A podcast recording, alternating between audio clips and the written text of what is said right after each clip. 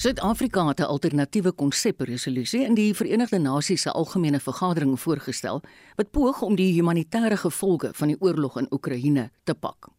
Die konsep-resolusie volg op 'n soortgelyke resolusie van Frankryk en Mexiko aan VN-lidlande wat 'n onmiddellike staking van die Russiese oorlog in Oekraïne eis. Estie de Klerk het meer besonderhede. So wat 2 weke gelede het Suid-Afrika en 34 ander VN-lidlande buite stemming gebly in 'n besluit wat deur die algemene vergadering geneem is om Rusland se inval in Oekraïne te veroordeel en te eis dat Russiese magte onttrek. Suid-Afrika het voorgehou dat die humanitêre houding wat westerse nasies ingeneem het, nie verpolitiseer moet word nie. Die westerse humanitêre konsep verwys na die vorige resolusie wat deur 141 lidlande aanvaar is en verwys na die Russiese Federasie se vyandigheid teenoor Oekraïne terwyl die humanitêre gevolge van Rusland se inval in Oekraïne betreur word.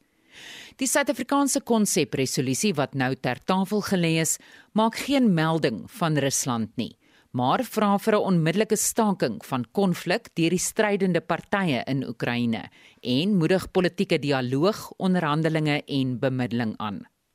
Die Verenigde Nasies het in 'n tweet hierop gereageer en gesê enige betekenisvolle humanitêre resolusie moet erken dat die humanitêre krisis in Oekraïne deur Rusland se oorlog veroorsaak word en enige voorstel wat dit nie erken nie is blind vir Rusland se gruweldade.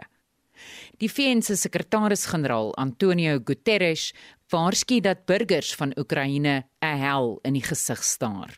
We have seen appalling human suffering and destruction in cities, towns and villages.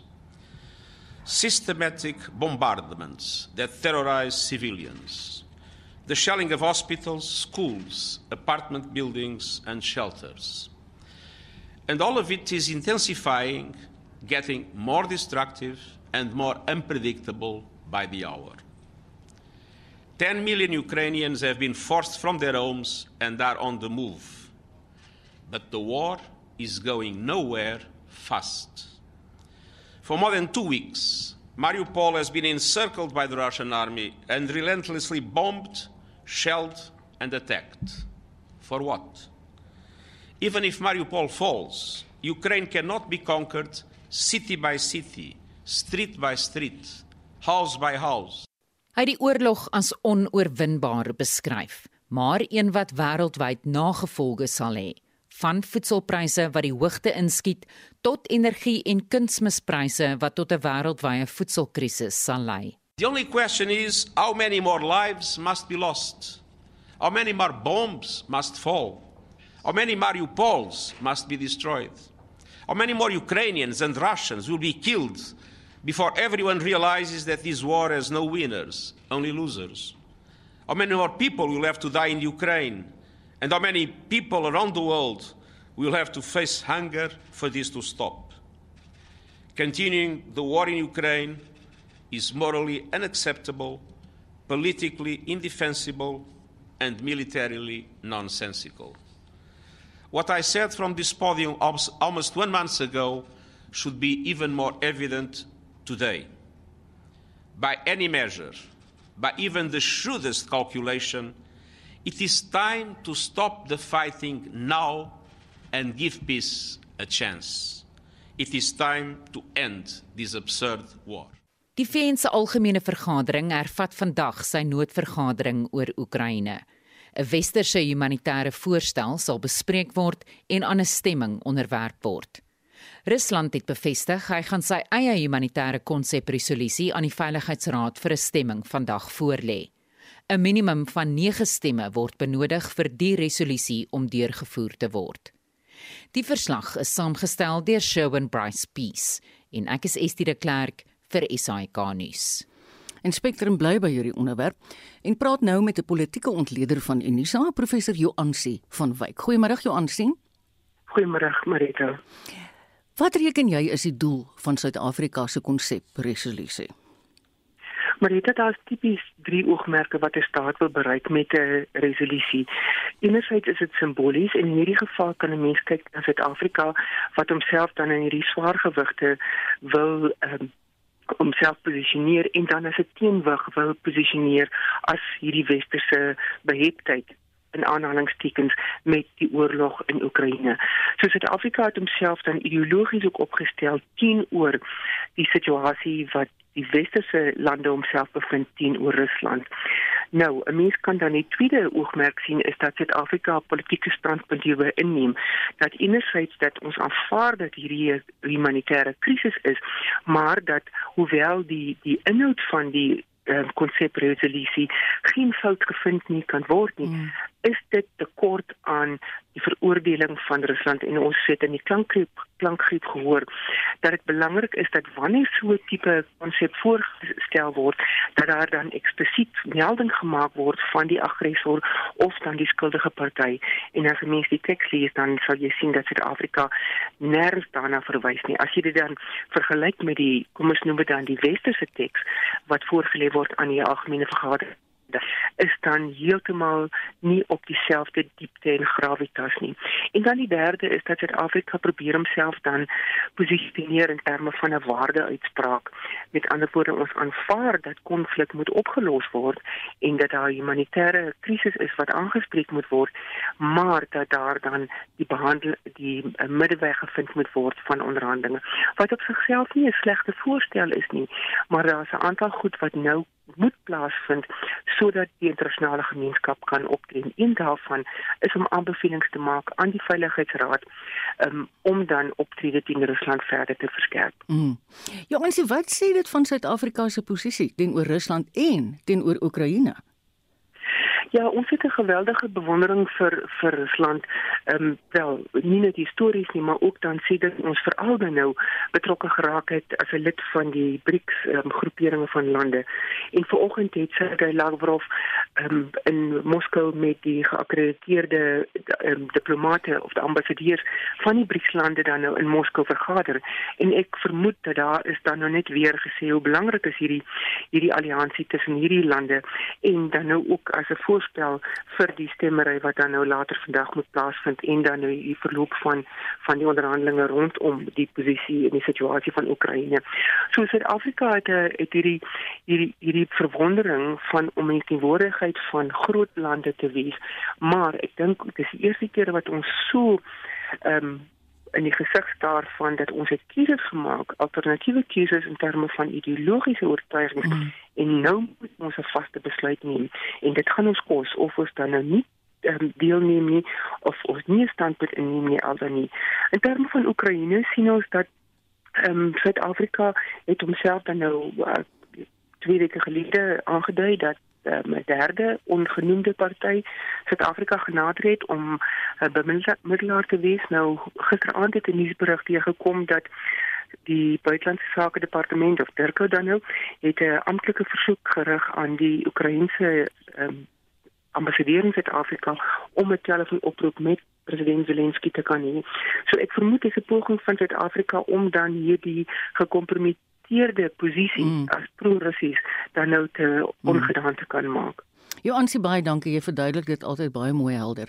Dit was 'n politieke ontleder aan Unisa, professor Joansie van Wyk. Jy luister na Spectrum en is 14 minute oor 12. Die minister van Landbou, Toko Didiza, is bekommerd oor voedselvoorraad aan Suid-Afrika weens ehm um, die oorlog in Oekraïne. Hulle praat met my in my ore. Waar's Oekra ek het hom nie. Oue ek hou die lig, ek hou die lig anders dink jy mense ons program is heeltemal van die lig af. Esteek is jammer. Ek het sommer aanbeweeg in in jou rede geval. Ons gaan aan met die Oekraïne se storie. Soos elke dag bring ons nou vir jou die jongste nuus oor die situasie in Oekraïne.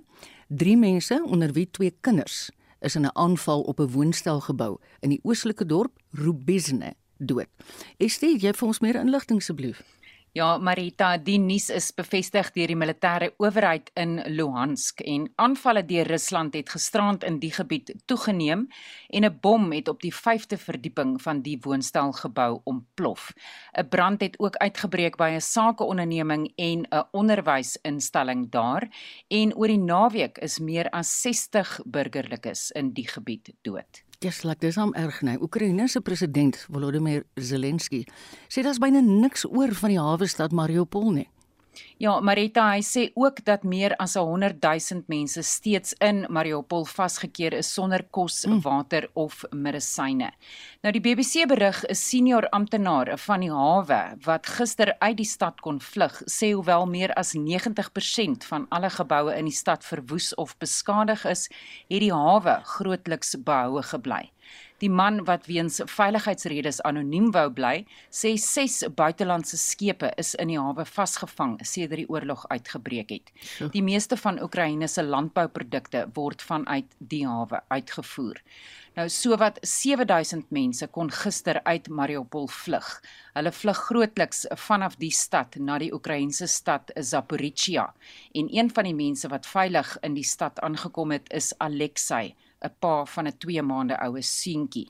Hy sê hy het sy kind se lewe gered deur oor hom te val toe 'n bom hulle woonstelgebou getref het. Alexei is deur skrapnel en glas getref, maar die baba is nie beseer nie. After that, we lived in the shelter, cooking with wood and just trying to survive. Katja Nesterenko het uh, wat met haar hond Jessie gevlug het, was een van 'n groep van 25 mense wat saam ondergronds geskuil het waar vlugtelinge tussen 2 en 75 jaar vasgekeer was. It was bombing every 10 uh, 5 minutes and um, we hadn't any central heating, gas, electricity, food, water, nothing. Dit is ongelooflik wat daar aan die gang is. Estie, kan jy vir ons sê is daar enigsins humanitêre hulp wat daar uitgereik word aan hulle? In in ehm um, Mariupol. Mm. Marieta die Oekraïense adjunk eerste minister Irina Vereshchuk het bevestig ehm um, dat daar ooreengekom is op 9 humanitêre toegangsroetes waardeur burgerlikes uit hulle stede of dorpe kan vlug. Maar sy sê egter geen toegangroetes is in Mariupol beskikbaar nie en sy hoop mense kan na die nabygeleë stad Berdinsk ehm um, vlug waar wel humanitêre hulp soos medisyne beskikbaar is. Sy sê ook dat altesaam 24 busse op bystand is in Mariupol vir wanneer mense wel kan vlug. En nou is 'n storie van oorwinning oor die Russe in die klein boeregemeenskap in die suide van Oekraïne. Jy sê daai woord baie beter as ek. Vosnesensk uh, Marita ek dink nie ek sê ek spreek dit eintlik korrek uit nie maar die dorp waar net 35000 mense woon is op 2 Maart deur Russiese soldate ingeval maar hulle is deur dorpenaars oorval. Nou sekuriteitskameras het die oomblik toe die Russe die dorp oor die ingangsbrug uh, inkom vasgevang. 'n winkeleienaar Alexander het homself afgeneem terwyl hy teen die vyand veg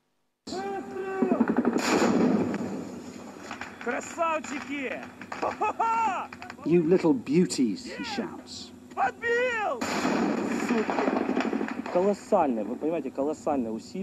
It was a colossal effort by the whole town, he says. We used hunting rifles, people threw bricks, old women loaded sandbags. The Russians didn't know where to look. I've never seen the community come together like that. Dorpenaars probeer ook nou om uit hierdie dorpenaars probeer ook nou om uit Oekraïne te vlug en die 32-jarige burgemeester Jehevni Velichko sê hy is realisties oor wat vir hulle voorlê. We know we can't win here without more anti-tank weapons. We're grateful for western supplies, but we need more. We know the Russians will be back. Yes, like dit is baie erg. Is die president Zelensky sê 'n humanitêre konvooi is deur Russiese magte gevange geneem. Is dit so?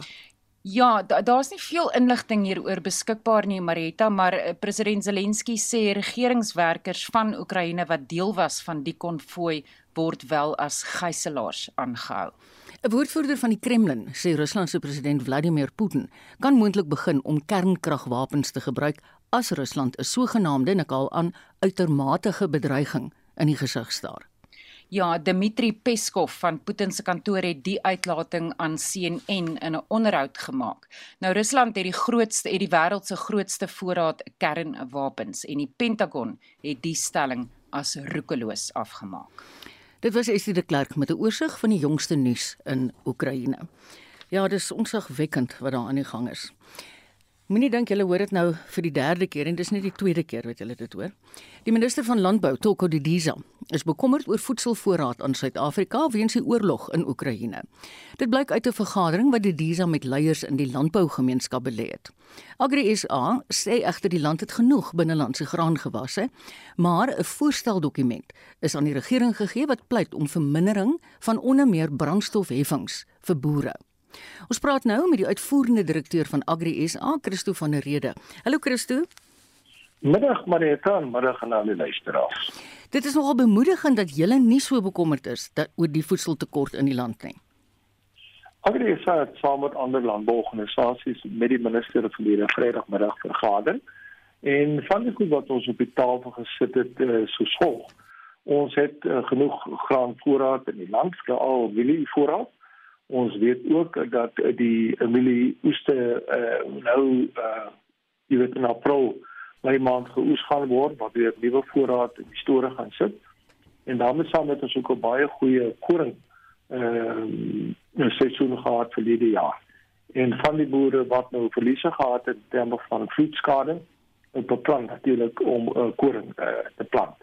So uh, vir die uh, medium uh, kort uh, medium uh, jy weet tydperk is daar nie behoort aan die bekommernis vir te wees nie. Ons groot kommer uh, gaan maar oor uh, bekostigbaarheid van voedsel. Ek hoor nou ons nuuslesenaar dra vandag knaand stories oor die inflasieprys. Maar die die voedselpryse is net eenvoudig onbekostigbaar en ek dink verbruikers is baie bekommerd daaroor. Inderdaad, en ons deel daai kommer en dit is waarom ons vir die minister die volgende gevra het. Skenk oorweging aan die opheffing van uh, die uh, petrol en diesel heffing uh vir minstens 3 tot 4 maande.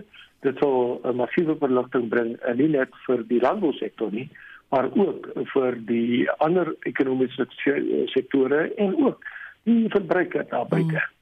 Uh, ons het ook uh, gevra dat uh, die uh, werkende van uh, die fosfaatmyn in Palaborwa Foskor uh, geoptimaliseer word en dat uh, Sasol ook 'n baie groot rol moet speel in terme van uh uh die omskakeling van ehm um, uh, steenkool ja. na uh, petroleumprodukte en ook uh, die uh uh produsering van uh uh, uh nitrogeen want dit is ook 'n belangrike bestanddeel van uh kunsmis.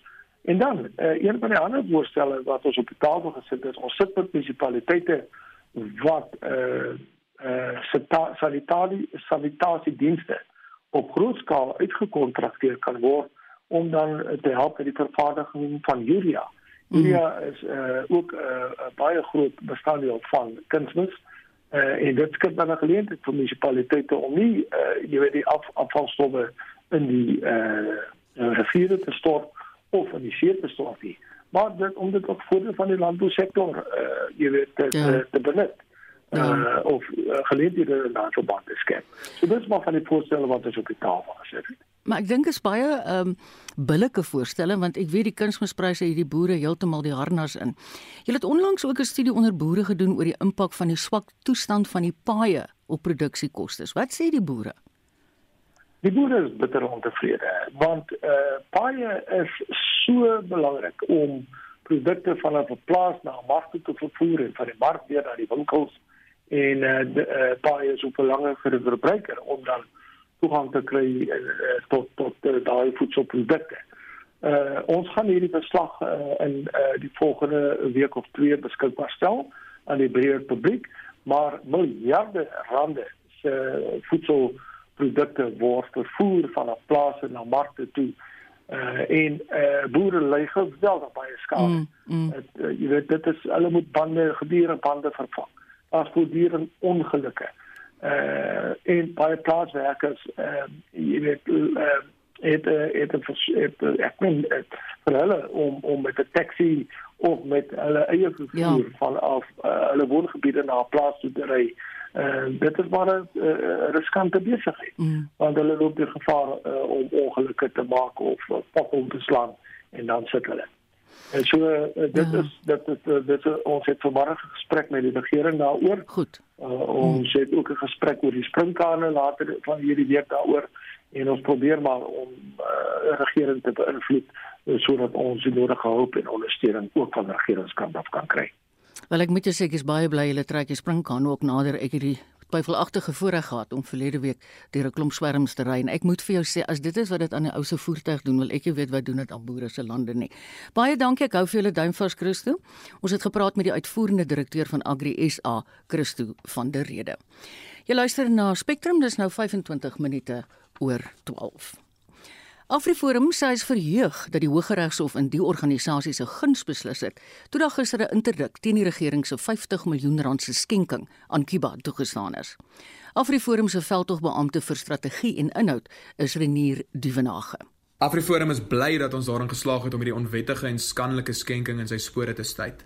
Ons is nou ook optimisties dat ons hersieningsaansoek daarin sal slaag om 'n finale einde aan die 50 miljoen rand skenking aan Kiba te maak. Benewens die toestaan van die interdik het die hof die respondente gelas om die koste van die aansoek te betaal. Afriforum beloof om voort te gaan met sy stryd teen verregaande en verkwistende uitgawes wat belastingbetalers se geld mors. So sê Afriforum se veldtogbeampte vir strategie en inhoud Renier Dievenage. En ons praat nou meer hieroor met die strafregkenner Dr. Llewellyn Kerloos. Hallo Llewellyn. Goeiemôre Marieta. Die regering se reuse skenking aan Kiba het burgerlike organisasies soos byvoorbeeld Afriforum warm onder die kraag gehad. Wat is jou mening daaroor? Ja, en ek dink is met rede want aan die einde van die dag is dit natuurlik uh, belastingbetalers se geld wat so verspil word en verkoos word. En ek moet vir jou sê ek is ek is baie baie bly dat AfriForum suksesvol was met hulle aansoek uh vir 'n interdik want ek dink dit is die eerste stap in die regte rigting om hierdie persone tot verantwoording te roep. Aan die einde van die dag is dit niks anders as ek en jy se belastinggeld wat natuurlik verspil word en gemors word in in in in in effek mm. as 'n mens mooi daarna kyk nie. En dit terwyl ons moet onthou dat Kiba natuurlik aanspraak gemaak het op hierdie hierdie hierdie sosiale hulp wat hulle van Suid-Afrika benodig mm. terwyl inderwaarheid uh Suid-Afrika op die ranglys, kom ek noem dit net nou maar 'n ranglys. Ja. Baie laag lê wat voedselsekerheid aanbetref byvoorbeeld as Kiba. Yes, like. Kom ons kyk net 'n bietjie dat die regter se uitspraak. Hy het aangedui dat die aansoek in die breë openbare belang is en dit stel eintlik wat jy nou gesê het. Ja, kyk, onthou hierdie is net die eerste stap in in in in in die hofsaak. Dis 'n dis 'n dis 'n dis 'n interdik mm. wat wat natuurlik afhang vir die finale uitspraak wat gegee moet word op die sogenaamde hersieningsaansoek wat moet plaasvind. Mm. Nou die hersieningsaansoek aan die einde van die dag gaan besluit gaan gaan beslis of die minister se die bevoegdheid gehad het enerzijds om daardie besluit te neem om ons geld te uh, natuurlik vir Kuba te gee want dit is niks anders as 'n donasie in nie. En tweedens of dit nie moontlik 'n oortreding van die sogenaamde wet op die bestuur van publieke fondse ja. oorskry het nie. Mm. Want daardie wet bepaal spesifiek dat sodra meer as 100 000 rand ehm um, natuurlik ter sprake is, dan moet parlementêre oorsig natuurlik plaasvind en dan is dit nie net vir die minister alleen om te besluit nie. En in hierdie geval is dit presies wat hy gedoen het. So uh, hierdie arbitreëre besluit kan natuurlik nou uh, word nou natuurlik onder die loep geneem en daardie uitspraak gaan bepaal of daai geld net so in Suid-Afrika sal bly en of daar dan natuurlik meriete is in hierdie uh aanvanklike aansoek van Afriforum. Kyk jy tog nou meer insig as ek. Wat dink jy is die kans op sukses? Nee, ek dink dit is 'n briljante saak van uh, Afriforum. Ek sal verbaas wees inteendeel indien hulle nie suksesvol is nie. As ek gekyk het na die stukke en ek het dit vinnig deurgelees, dan maak dit vir my absoluut sin wat hulle sê. Ehm um, hulle grond dit natuurlik op twee basisse. Een dat die besluit irrasioneel geneem is, veral gesien in die lig van ons Suid-Afrikaanse posisie ja. as ons kyk na ons of waar ons op die lys staan hierdie ranglys waarvan ek gepraat het. Mm. As ons kyk na ons COVID implikasies en ons so, uh, sosiale ekonomiese toestand heidaglik in Suid-Afrika, dan maak dit nie sin nie om dit vir een of ander politieke, kom ons noem dit historiese ehm um, redes oor te betaal in Kuba nie. Punt 1 en punt 2, as 'n mens kyk na die interpretasie van die wet, dan is dit baie duidelik dat die minister waarskynlik sy magte oorskry het deur hierdie eensydige besluit te neem sonder 'n uh, tussenkoms van die parlement.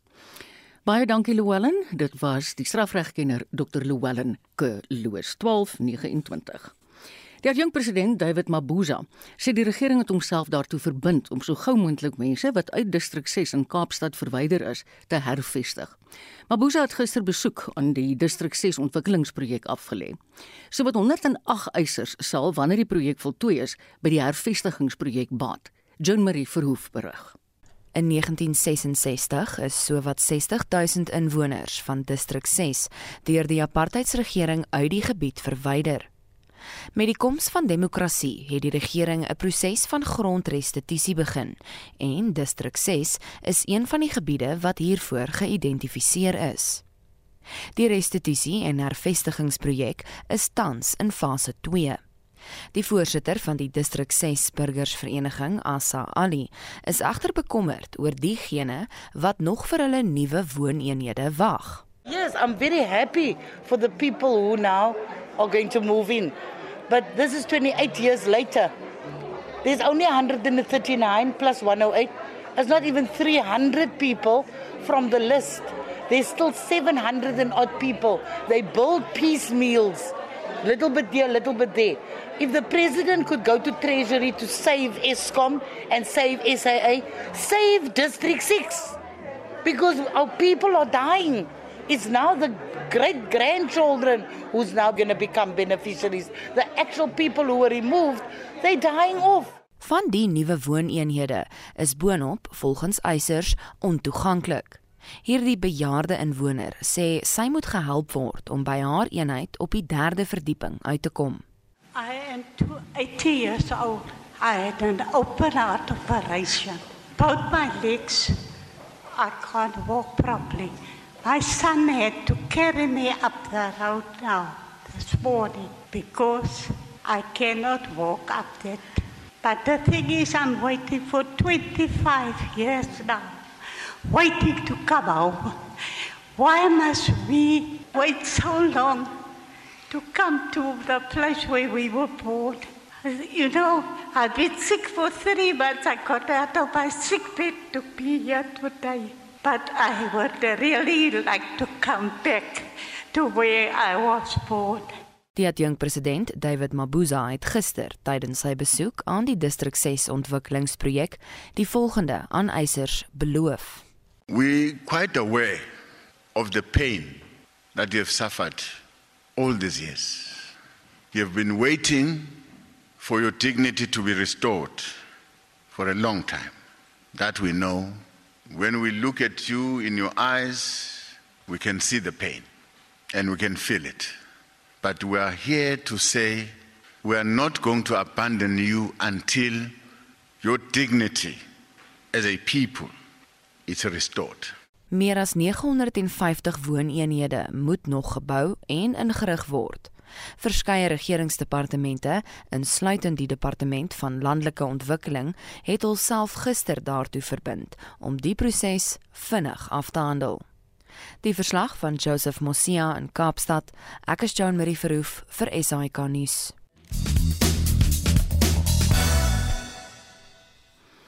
Die verbruikersprysinflasie vir Februarie staan op 5,7%. Dit bly onveranderd in vergelyking met Januarie vanjaar. Ons praat nou hieroor met die ekonom van CH Economics, Dr. Chris Harmse. Hallo Chris. Hallo Rita. Die verwagting was dat die syfer tot 6% sal styg. Nou wat het nou gebeur? Korrek. Ek dink daar het 'n paar goed minder uh uh daar het 'n paar uh, produkte minder gestyg as wat verwag is. Wat 'n redelike gewig in die mandjie het. Soos byvoorbeeld kommunikasie, kommunikasie toerusting en ook uh, ons ontspanning, die mense se rekreasie. Ek dink die gyms het nie hulle uh uh fooie verhoog nie. Hier's party van die hotel en akkommodasie wat nie verhoog het nie. Hulle uh, deurgegee na die verbruikers toe. Mm. En dan kommunikasie toerusting. Ek bedoel dit is jou jou data wat jy koop en jou selfoon en jou ander uh uh kommunikasie uh, toerusting wat jy koop uh, het inderdaad gedaal. Veral natuurlik rekenaar toerusting as gevolg van 'n sterker rand uh in die in die in die, in die maand wat nou verby is. So ek dink dit was die verrassing want die want die ander het maar nog gestyg soos ons gedink het. Jy weet, uh voedsel het gestyg met 6,4% ja. jaar op jaar. Uh ehm um, petrol het gestyg met uh, 23% jaar op jaar sodat die totale vervoer in die mandjie het gestyg met ehm um, as uh 'n uh, 6 uh, 14,2%, ekskuus. En natuurlik dan het ook uh, jou uh jou sogenaamde huishoudelike uitgawes, dis jou water en ligte en en uh erfbelasting ensovoorts ook gestyg met uh oor die 4.4% en daai drie items maak ongeveer ook 4% van die totale 5.7% uit. So met ander woorde, maar ek dink die verrassing was daar het van daai twee items wat ook 'n redelike groot gewig in die mandjie het, meer as vervoer, het inderdaad uh gedaal of met baie min gestyg en dit het veroorsaak dat ja. daar die uh, uh inflasiekoers mm. dieselfde gebly het. Chris, die monetêre beleidskomitee vergader vandag. Wat sal hulle in ag neem as hulle oor die rentekoers moet besluit? Ek dink drie goed.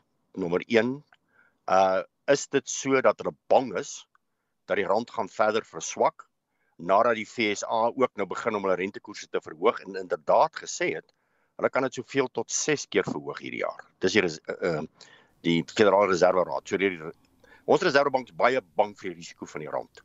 Ek dink dis die eerste. Die tweede is as gevolg van hierdie tendens van voedselpryse mm. en uh uh, uh vervoerkoste en natuurlik dan elektrisiteit en ander kostes wat ver hoër styg as die inflasiekoers. Ja. Uh, sodat dit 'n verdere druk daarop kan plaas. Dis 'n verdere ding en dan natuurlik nog ook uh die onsekerheid oor ehm um, wat met in die Oekraïense oorlog gaan gebeur. Met ander woorde die effek op die dollar en die effek op die wêreldekonomie ensovoorts. Uh maar ek moet ook sê tong in die kies. Ek dink hulle dink verkeerd. Jy verhoog nie rentekoerse in sulke omstandighede nie. Inteendeel, jy behoort eintlik te verlaag dit klink nou klink nou snaaks, maar ehm um, as 'n teoretiese ekonom in die wat in die akademie lank gestaan het, maak dit nie vir my sin nie, want jy uh jou inflasie is koste druk. Dis mos die kostes wat verhoog. Hmm, Voedsel, mm, vervoer, vervoer uh jou huishoudelike uitgawes verhoog. Nou gaan jy en jy verhoog nog rentekoerse. So jy verhoog die jy verhoog die koste vir die verbruiker en die sakeonderneming nog verder. Ja. So dit maak nie vir my sin nie. Dit maak nie vir my sin nie. Uh maar uh ek dink dis hulle drie risiko's waarna hulle kyk en dit gaan interessant wees om te sien wat hulle gaan doen. Uh veral nadat die inflasiekoers nie gestyg het nie. Chris baie dankie. Dit is Dr. Chris Harmse. Hy is 'n ekonom by CH Economics en ons bly in die finansiële wêreld. Die 4de beleggingskonferensie vir Suid-Afrika vind môre in Sandton in Johannesburg plaas. Voortspruitend uit die afgelope 3 jaar se beleggingskonferensies was daar 'n ekonomiese inspuiting van 290 miljard rand vir die land. 'n Besoekende professor aan die Wits Besigheidsskool, Janie Rousseau, vertel ons nou meer hiervan. Hallo Janie. Goeiemôre Marita, goeiemôre met luisteraars. Hoe belangrik is so 'n soort konferensie vir ons land? In die algemeen is 'n beleggingskonferensie baie belangrik. Dit is 'n geleentheid waar uh, president Ramaphosa vir potensiële buitelandse beleggers kan vertel hoe aantreklik Suid-Afrika as 'n uh, beleggings noem dit beleggingsdestinasie vir hulle geld is. Meneer Ramaphosa het op die oomblik egter 'n probleem in die mate dat hy 'n swak produk het om te verkoop. Mm. Waarskynlik eers sy produk moet regmaak voor hy weer met buitelandse beleggers praat. Wie neem tipies aan so 'n konferensie deel, Janie? 'n Groot verskeidenheid buitelandse maatskappye, ook buitelandse fondsbestuurders wat fondse internasionaal wil belê. So dit is regtig die mense wat jy graag in jou land wil sien mense wat in jou land kan belê sodat daar ekonomiese groei en werkskeping kan wees. Wat ons egter eers in Suid-Afrika moet doen, is om reg te maak wat verkeerd is. Goed soos ons munisipaliteite moet begin mm. funksioneer. Goed soos Eskom moet krag opwekking onder die knie kry. So dit sou meneer Ramaphosa baie meer baat om op plaaslike probleme te fokus eerder as om internasionale beleggingskonferensies te hou. Dit is asof meneer Ramaphosa verwyder staan en nie kennis neem van die werklike probleme in Suid-Afrika nie en hierdie groot drome het wat maklike nagmerries kan verander. Ja, dit is 770 miljard rand oor die afgelope 3 jaar beloof, waarvan ons sover nog net 38% gekry het. Is die verwagting dat ons al die geld sal kry wat aan ons beloof is? Nee, my verwagting is nie dat al die beloftes sal realiseer nie. Beloof is maklik, belê is moeilik. Ons moet dit altyd onthou. So uh dit plaas ook vra oor die sukses van sulke konferensies juis omdat daar in Suid-Afrika so baie goed is wat eers reggemaak moet word voor ons volgehoue belegging in die land sal sien. Ja, jy het nou net nou verwys na die dinge wat alles verkeerd is hier binne in die land, maar ek dink daar is tog 'n baie duidelike aanduiding dat dit die redes is waarom buitelandse beleggers nie wil byt nie. Ja, absoluut. Uh, en ook die rede hoekom binnelandse beleggers mm. nie eintlik nou in Suid-Afrika wil belê nie. Ons weet wat hierdie probleme is, hulle is by herhaling geïdentifiseer en ons sien geen plan van die regering se kant om hierdie probleme daadwerklik op te los nie. So dit is dan meer wat Paula sê energie spandeer eerder as om met buitelandse beleggers te gesels mm. of om te droom van 'n slim stede, 'n slim stad werk op elektrisiteit en dan moet hy elektrisiteit hê. Baie dankie Jannie. Dis 'n besoekende professor aan die Wits Besigheidsskool, Jannie Rousseau. Op die kop kwart voor 1. Die menseregte organisasie Amnesty Internasionaal is nie tevrede met die trant van boodskappe wat Maandag deur veral die regering oor Menseregte Dag uitgestuur is nie. Die organisasie se uitvoerende direkteur in Suid-Afrika, Shanila Mohammed, het aan Marlenae Forsie gesê: "Woorde sonder dade is onaanvaarbaar." Until the lives of people in South Africa significantly improve, until their human rights are realized. And this includes the rights to health, the rights to education, housing, water, etc. Then, you know, narratives are really of no use to the people. And I think, you know, people now are tired of the narrative. What they want to see is the action. What they want to see is a significant improvement in their basic human rights. Sy sê hoewel hoofstuk 9 instellings soos die Menseregte Kommissie beslis 'n plek in die samelewing het, die verantwoordelikheid om te verseker dat menseregte gerespekteer word, nie alleenlik op die instellings se skouers geplaas kan word nie. They are responsible for the protection of rights. And what we have to, you know, know, uh, see is that it's actually the state that is the main duty bearer when it comes to the delivery of rights. And um, the reason that, you know, you have um, organizations like the Human Rights Commission being overwhelmed is because what we're seeing is uh, that the delivery of human rights is not being done efficiently and is not being done adequately by the state. You know, when people have no water, then that means that the state has failed to provide people people with a basic right to water. When children are falling in pit latrines and dying, well, then the accountability lies with the state. We need active citizenry and we need an efficient state. And I think that, you know, at the moment, the state is not efficient. And, um, you know, citizens really must look at, at ways in which they can hold the state to account. 'n Voorbeeld hiervan is die reuse veldtog teen geslagsgebaseerde geweld teen veral vroue. The women took to the street. They decided enough was enough. And they basically called uh, out the president and said, you know, you are not doing uh, enough to protect the women of this country. Of course, the state was then forced to react. And we saw, you know, a number of laws being pushed forward. We saw, um, you know, the national framework being, uh, uh you know, finalized. We saw funds uh, being allocated. We saw business and the state come into partnership. But the problem is that what happens beyond that, and that is where, as society, we have to ensure that whatever promises have been made, that they are delivered. So again, with gender-based violence, we still see women dying on a daily basis in a brutal way, at either at the hands of their partners or through crime. Uh, we see women being raped. So again, the question we need to ask was, you know, was that all lip service, or was there a serious intent on the part of the state? To change the situation. Dit was die uitvoerende direkteur van Amnesty International in Suid-Afrika, Shanila Mohammed. Marlene Forsie, SAK nuus. Die kredietburo TransUnion ondersoek nog hoe 'n kuberaanval op sy stelsels uitgevoer is. 'n Groep bekend as NaughtySecTU beweer hulle sit agter die aanval. Die redakteur van mybroadband.co.za, Jan Vermeulen, het kontak met die groep gemaak en vertel ons nou meer daarvan. Hallo Jan. Middag gaan dit daar. Man, dit klink vir my by ons lot gaan dit almal beter as by TransUnion. Wie is Naughty ja, nee, ja, ja, so ons weet nie regtig nie. Hulle beweer hulle is 'n Brasiliaanse groep wat uh wat hierdie soort kuberaanvalle pleeg en dan uh natuurlik aan die maatskappye toe gaan en eis dat hulle dat hulle een of ander uh, betaling maak dat dit nie op die internet beskikbaar gemaak word nie. Maar uh, kan enige plek wees en hulle kan enige iemand wees. Ehm um, maar ja, dis dis wat hulle sê. Hulle hulle sê hulle is 'n hulle is 'n Brasiliaanse groep. Hulle is 'n spullede ehm um, en die in die gesprekke wat ek met hulle gehad het, uh, beweer hulle uh hulle lede ehm um, is is baie opgevoed en uh weet van van hulle het meestersgrade. Ehm um, ja, ek het hulle gevra oor goed want uh, hulle het hulle het 'n uh, 'n onderhoud uh, gedoen uh, met 'n ander joernalis uh, oor oor die foon uh. en um, hulle het nie vir my Brasiliaans geklink nie. Toe vra ek hulle, mm. luister, julle klink nie Brasiliaans nie, wat gaan hier aan?